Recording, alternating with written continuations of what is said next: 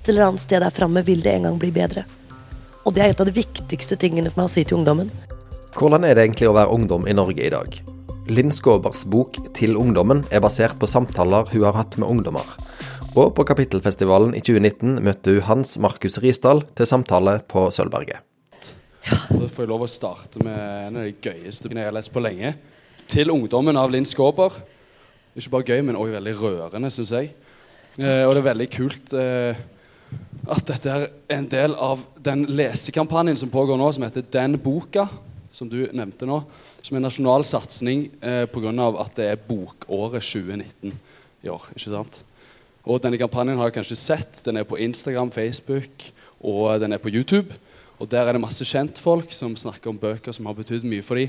Og det er jo veldig fint, for nå er det sånn at 15-25-åringer leser mindre enn før. Skremmende. Ja. Er det ikke det? Er det eh, færre, færre gutter òg, eller? Eh, jeg vet ikke. Vet ikke. Men eh, vi antar kanskje det.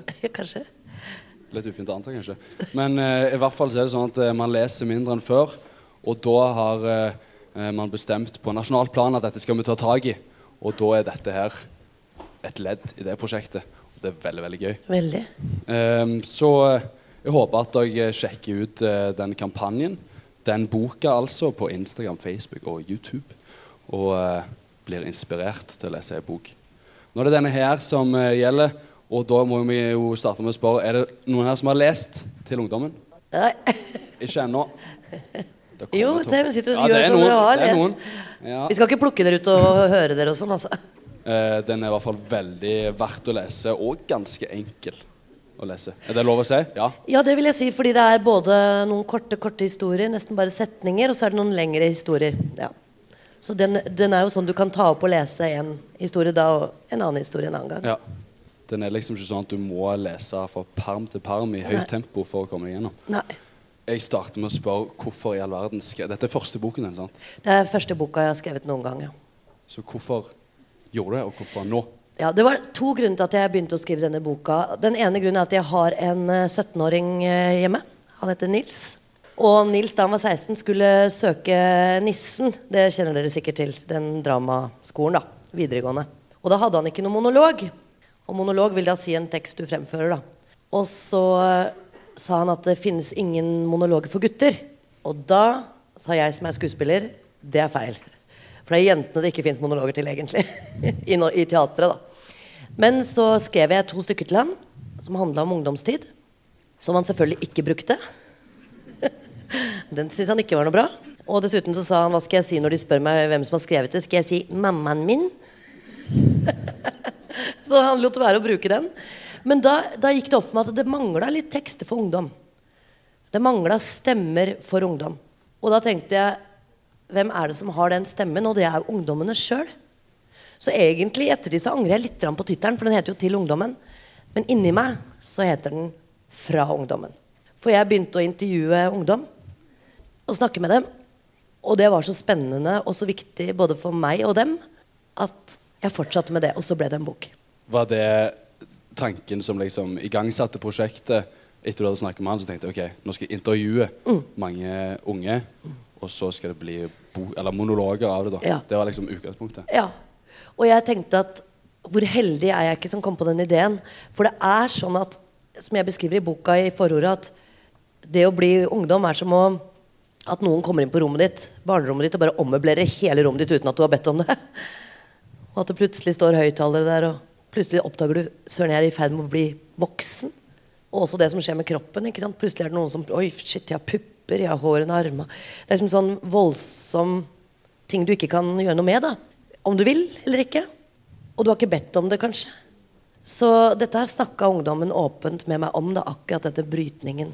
Fra det å være et barn til å faktisk begynne å vokse. Og du har ikke bedt om det. Var det liksom en spesiell del av ungdomsforandring? For der kan det jo egentlig strekke seg fra du er ikke, 10 år Mm. til du er 18, kanskje. Jeg vet ikke hvordan den defineres. Men du, altså, er det et spenn på alderen? på Ja, jeg kan si at det var sånn fra eh, 14 til 19 Nei, 17. Ok, 14 og 17. Ja, noe sånt. Det er liksom det hovedlinja. Så um, jeg kaller jo denne ungdomstida den andre fødselen. For du blir jo født og er baby, og så kommer det en fødsel nummer to. Hvor du blir et annet menneske. Det betyr at nå er dere sånn midt inni den De er nesten nyfødte. Nyfødte ungdommer. ungdommer. Og det er jo eh, Jeg syns det var ganske så skummelt og rart sjøl. Det er ikke så lenge siden du var eh, så Nei, ungdom heller. det er ikke så lenge siden. Nei. Men det, det føles Det er så mye skjegg siden. Ja. Jeg fikk ganske tidlig skjegg, altså. Det var noe av det rareste. Er det sånn, Fikk du skjegg eh, når du var tolv, eller?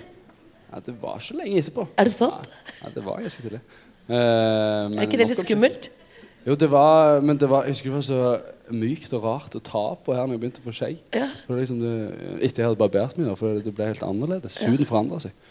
Eh, Jeg har men den samme opplevelsen ikke det Det litt den samme opplevelsen sjøl, bortsett fra at vi jenter får jo f- sånn skjeggvekst når vi er 50. Hvor vi- hvor vi- det er mykt og rart, og så må du begynne å nappe. Kommer alltid inn på det, vi Men to. føles det, føles, ja, sånn. føles det mykt eh, etterpå? Er sånn, Vi, vi jenter er jo redde for og vi damer er jo redde for at de skal bli harde, så vi vokser oss når og holder på sånn. da Ja, sånn. Ja. Nok om det, vi skal ikke snakke om fem- Ja, 50-åringer i dag. Nok skjegg. Eh, men eh, veldig veldig kult prosjekt. Du intervjuer altså Ja. disse ungdommene, Ja. og så stilte du de eh, visse spørsmål. Ja. Eller Jeg hadde skrevet en eh, lang rekke spørsmål, og jeg hadde begynt veldig mykt. For det var litt uvant for meg, og jeg ble litt flau jeg også når jeg skulle snakke med en og en ungdom. liksom. Det, jo litt, det blir jo virkelig en dyp samtale på en måte. Så jeg begynte litt lett med de første spørsmålene. Sånn Hva driver du med om dagen? og sånn. Men det som skjedde, var at før jeg nesten hadde ferdigstilt stilt det dumme, vanlige spørsmålet, så var ungdommen i ferd med å tømme seg. Det var sånn at Jeg hadde ikke fått skrudd på opptakeren på mobilen min engang før de virkelig gikk ned i essensen. Som om de hadde venta på en mulighet til å kunne snakke om det å være ungdom. Så før jeg, når jeg spurte liksom om, fotballen, og sånn, så sa de ja, ja, ja, ja sånn, sånn. Men du, angst og sånn, eksempel. Eller det at pappaen min døde. Eller at jeg er lei meg. Eller at jeg blir redd for noe. Det kom med en gang. Og et av de siste spørsmålene er jo også liksom, som jeg stiller dem, det er liksom sånn Hva kan jeg gjøre for deg som voksen? Hva er det du ønsker deg? Og da sa de det at jeg vil ikke ha løsninger og forklaringer og redninger fra eldre. Jeg vil at noen skal sitte og høre hvordan jeg faktisk har det. Store ører og liten munn ønska de seg. Og det ble jeg litt tatt på kornet på sjøl, for jeg tenkte at jeg er jo mamma jeg er til en 17-åring. og jeg ble litt tatt på kornet på det på hvordan jeg snakker med han. da For hvis han kommer til meg og sier eh, eh, 'jeg har et problem', så det første jeg gjør, er 'ok, greit, da ordner jeg det for deg'. Vi bare gjør sånn, vi ringer den og den. Her har du 50 kroner. Jeg, jeg, bare, jeg prøver å fikse opp i de problemene han har. da Mens han egentlig kanskje bare har behov for å bare si noe til noen. Eldre. ja, sant? Følte du at, det, liksom- at dette egentlig var ganske betydningsfullt Var det bare å få lov til å Ja. liksom, snakke? For det er ikke så mange arenaer der man kan gjøre det egentlig men... en eh, voksen som lytter. da. Det er ikke det? Nei, og Hvis jeg er noen voksne der, det er et par stykker, så kunne jeg jo si at det er noe vi bør ta til oss. Ja. Og prøve å, å gjøre noe med. Skape rom for ungdom som faktisk er holder på med sin andre fødsel. Ikke Jespen jeg snakker, da. um, Nå kommer du aldri til å gjespe igjen. Jeg ser alt. så. Men at vi voksne kan eh, lage de rommene og skape de rommene, om det så er på kafé, ved en strandkant eller et eller annet. Jeg var jo veldig litt glad for at jeg var kjent òg, da. At jeg var kjent, Ja. og at jeg var kvinne, og at jeg var den alderen. For jeg lokka dem jo inn på kafeer og betalte middagen deres og ga dem godteri og sånn. Så det hadde vært ver- verre hvis jeg var mann på 70. Faktisk. Så jeg hadde en fordel med at jeg kanskje virka litt trygg, da, sånn sett. Ja. Du sier at de liksom fort eh, begynte å snakke om eh, alvorlige ting. Og det er veldig mye alvorlig i den boka. her. Ja. Eh, hvordan eh, gikk du fram for liksom eh, få de morsomme historiene? Og eh, Ja. balansere det med de triste historiene? Det, det driver jeg med alltid. Eh, om jeg så, når jeg er skuespiller og spiller i serier eller er på scenen, så mener jeg at akkurat den humoren og alvoret går alltid hånd i hånd. da det, det gjør det alltid i livet. Dere har sikkert sittet på rommene deres og grinet og tårer og sittet sånn, og så plutselig kan du begynne å, å le av en morsom situasjon som skjer i det samme øyeblikket. Det var noen som sa en gang som jeg syns er så fint. Det var noen som sa at latteren er fetteren til gråten. Og det er veldig sant. De er veldig nære hverandre. Og jeg som skuespiller, for eksempel, når jeg gjør det på scenen eller skriver i boka, så liker jeg ofte å få folk til å le fordi det åpner hjertene. Og da er det lettere å Si det alvorlige. Og få folk til å føle på det. Jeg har hørt en sånn flott quote om at eh, det motsatte av kjærlighet er ikke hat, men likegyldighet. Ja. Det er jo det der at eh, de sterke, store følelsene kan fort liksom svinge fra det ene til det andre. Det er veldig vik- riktig. Og en av mine også favorittsetninger, det er en som heter Kåre Willoch som sa. Han sa at det er, det er én ting må jeg bare tenke meg om. Det er én ting som er verre enn urettferdighet. Og det er å gå forbi urettferdighet. Ja, sant. Så det er samme setningen du sa, egentlig. Ja. Bare klokere. Ja. Nei, men sant. Det er jo eh, veldig mye fine passasjer i den eh, boka her der det handler om liksom eh, de andre eh, Altså at du ser på de andre, og at eh, du tenker på hvordan de ser på deg, og om de liksom enser deg og tar hensyn til deg, da, og ikke bare går forbi. En av quotene jeg liker best, er jo den 'Jeg vil ikke se at hun ikke ser etter meg'. Eh, den der, Du vil ikke egentlig være bevisst på at eh, eh, du ikke er så viktig for noen andre. Sant? At du Helt riktig. tør egentlig eller sant? Og at Man tør ikke å ta en sjanse. Man er redd for at det ikke Ja. skal synes. Ja. Mm. Den usikkerheten der, og den er vel ekstra sterk i ungdomstiden. ja, det tror jeg. Det er ikke så rart heller, for det er på en måte første gang du oppdager jeg ikke, Eller vil jeg tro, da. Altså Selvfølgelig fins det barneforskning og alt sånt som andre kan bedre enn meg. Men det å få den bevisstheten på seg selv, det at jeg vil være pen nå Jeg vil at han skal synes at jeg er pen, jeg vil at hun skal synes at jeg er kul. Alt dette her, det, det oppdages jo i ungdomstida. Og fordi man også kanskje begynner å ja, fokusere både på det motsatte kjønn og på, på vennene dine i større grad. Da. De blir plutselig en større del av det enn mamma og pappa er, kanskje. Til og med.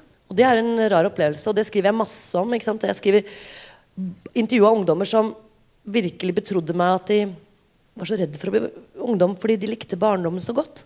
De ville så gjerne være barnslige lenger. og og ikke minst det jeg har skrevet om som heter 'Pappa, kan du bære meg?' For det er en jente som liksom savner det å bli løfta bort i senga si Ja. og late som du sover. Og så skriver hun, eller sier hun liksom at den savner. Og da skrev jeg en, en, en tekstene som heter 'Bær meg'. Og det er eh, at hun som ber pappaen å bære seg likevel, da. Sånn som jeg gjorde da jeg var liten, når jeg var lett å like. Ja, sånn. Og så for, for jeg, fordi du vet, vi vet begge to at jeg er i ferd med å bli ubærbar. Og det er et ord jeg har funnet på, da, men jeg syns det er ganske godt forklart. At man er, man er ubærbar. Man må begynne å gå sjøl. Og det er veldig vondt for mange, og dritgøy for andre. Noen elsker plutselig den der ungdomstida, Ja. at man skal inn der. ikke sant? Mens noen er redde. Men det kan jo også switche fra dag til dag. Man kan synes det er grusomt den ene dagen, og synes at det er innmari gøy den andre. Jeg synes det er skikkelig kjipt å få kviser, men jeg kan jo ta på meg høyhæla sko. liksom. Ja, sant. Nei, jeg husker godt uh, sjøl den der uh, ubærbarheten som Ja. jeg trengte på. Men samtidig den selvstendigheten som henger med det. Ikke sant? At jeg kunne gå ut sjøl, liksom. Du husker, det, du husker de periodene sikkert? Altså Hvor Ja. vondt det var Ja. Og ikke være lille gutten lenger til moren og Ja. faren din, og samtidig plutselig elske at du kan stå og henge ved kiosken med vennene dine. Ja, sant. Kjøpe ting sjøl, Ja. altså. Kjøpe ting. Ja. Bestille Fifa på nettet aleine. ja, sant. Det er kult, altså. Ny, ny Fifa, forresten. Fikk beskjed av sønnen min i går. Spennende. Måtte kjøpe det i går. Skal vi se på, Denne her boken eh, består ikke bare av eh, disse samtalene.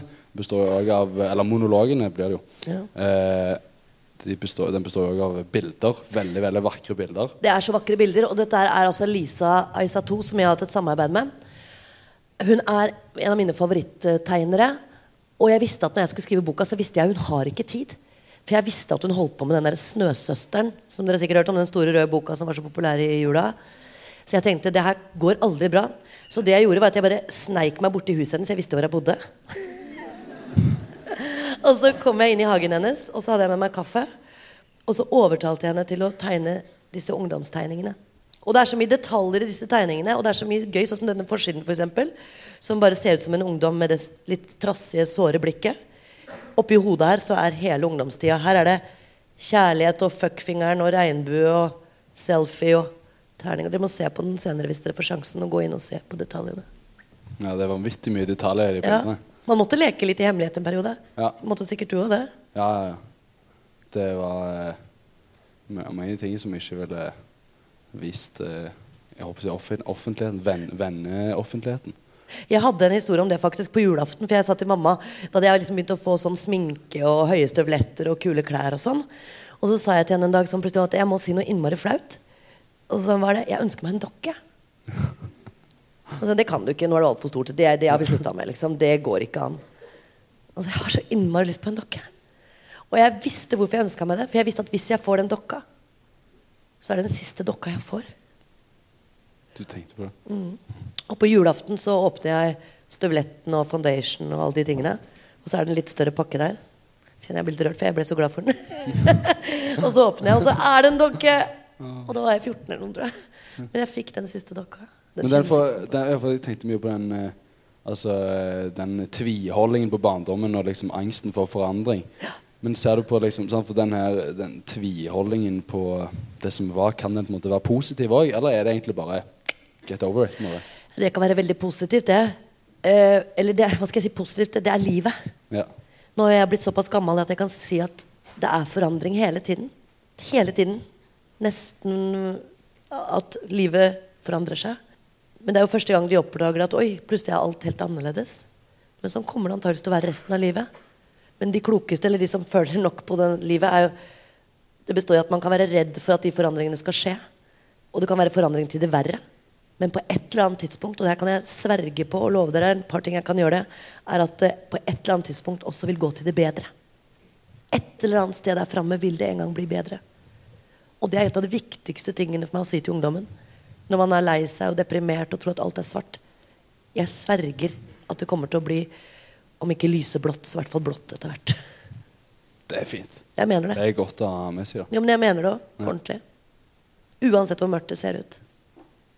Det der med å ha sekser i å, å leve hele livet, ikke bare eh, ha sekser på skolen, på en måte, det er jo Helt riktig. Veldig veldig viktig. Og Det det, begynner vel å bli mer fokus på i skoleverdenen òg. At man liksom er ikke om livsmestringen har blitt et fag, Vi har fall hørt snakk om det. Ja, helt og riktig. eh, bare Disse her har jo fått en, eh, et stempel på seg. Min ungdomstid vi fikk eh, et, et navn som het Generasjon X. Ja. Eh, men, s- for de var litt annerledes generasjon. Denne eh, generasjonen dere har jo fått eh, navnet Generasjon Prestasjon. Og det er et litt slitsomt navn å bære. Så jeg har valgt å, å gjøre noe annet med det. Jeg har tenkt det sånn at Hvis du er en som presterer hele tiden, og som har pulsen i deg til å prestere Denne generasjonen her har så mye innsikt fordi de må følge med på nettet. De ser klimaforandringene. De er bekymra for mamma og pappa. De er bekymra for vennene sine. De ser hva som skjer. De ser Grøta Thunberg. Ja. Og de, de som vet liksom, vet liksom Ja, dere vet så mye og er så informerte. Og en generasjon som er så informerte om hva som skjer på andre siden av kloden, da vil du opparbeide deg en annen egenskap som er mye mye tydeligere enn prestasjon. Og det er empati. Og jeg opplever at denne generasjonen har så mye empati og så mye omsorg for hverandre og for verden at jeg har døpt om fra ungdomsgenerasjon prestasjon, så har jeg døpt dere om til generasjon omsorg. Det er en ja. Jo, men det mener jeg. Fordi jeg har aldri opplevd liksom, noen før. Nå kjenner jo jeg mange aldri, og jeg har aldri opplevd noen som er så opptatt av vennene sine. Og det å, så er det selvfølgelig tider hvor man ikke gjør det også, men jeg opplever i hvert fall at de har de følerne ute, og det er jeg veldig takknemlig for. Jeg er veldig trygg, mye tryggere nå etter å ha snakka med så mye ungdom enn jeg var før jeg snakka med dem.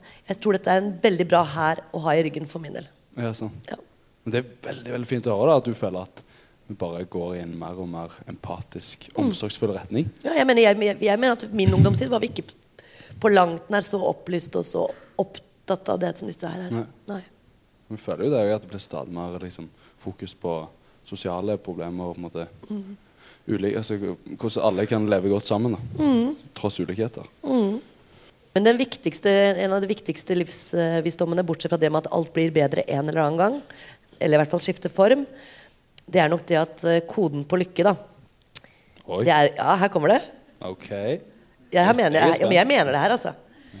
Jeg mener at det må være at du tenker at akkurat her jeg er nå, det er her det er kulest.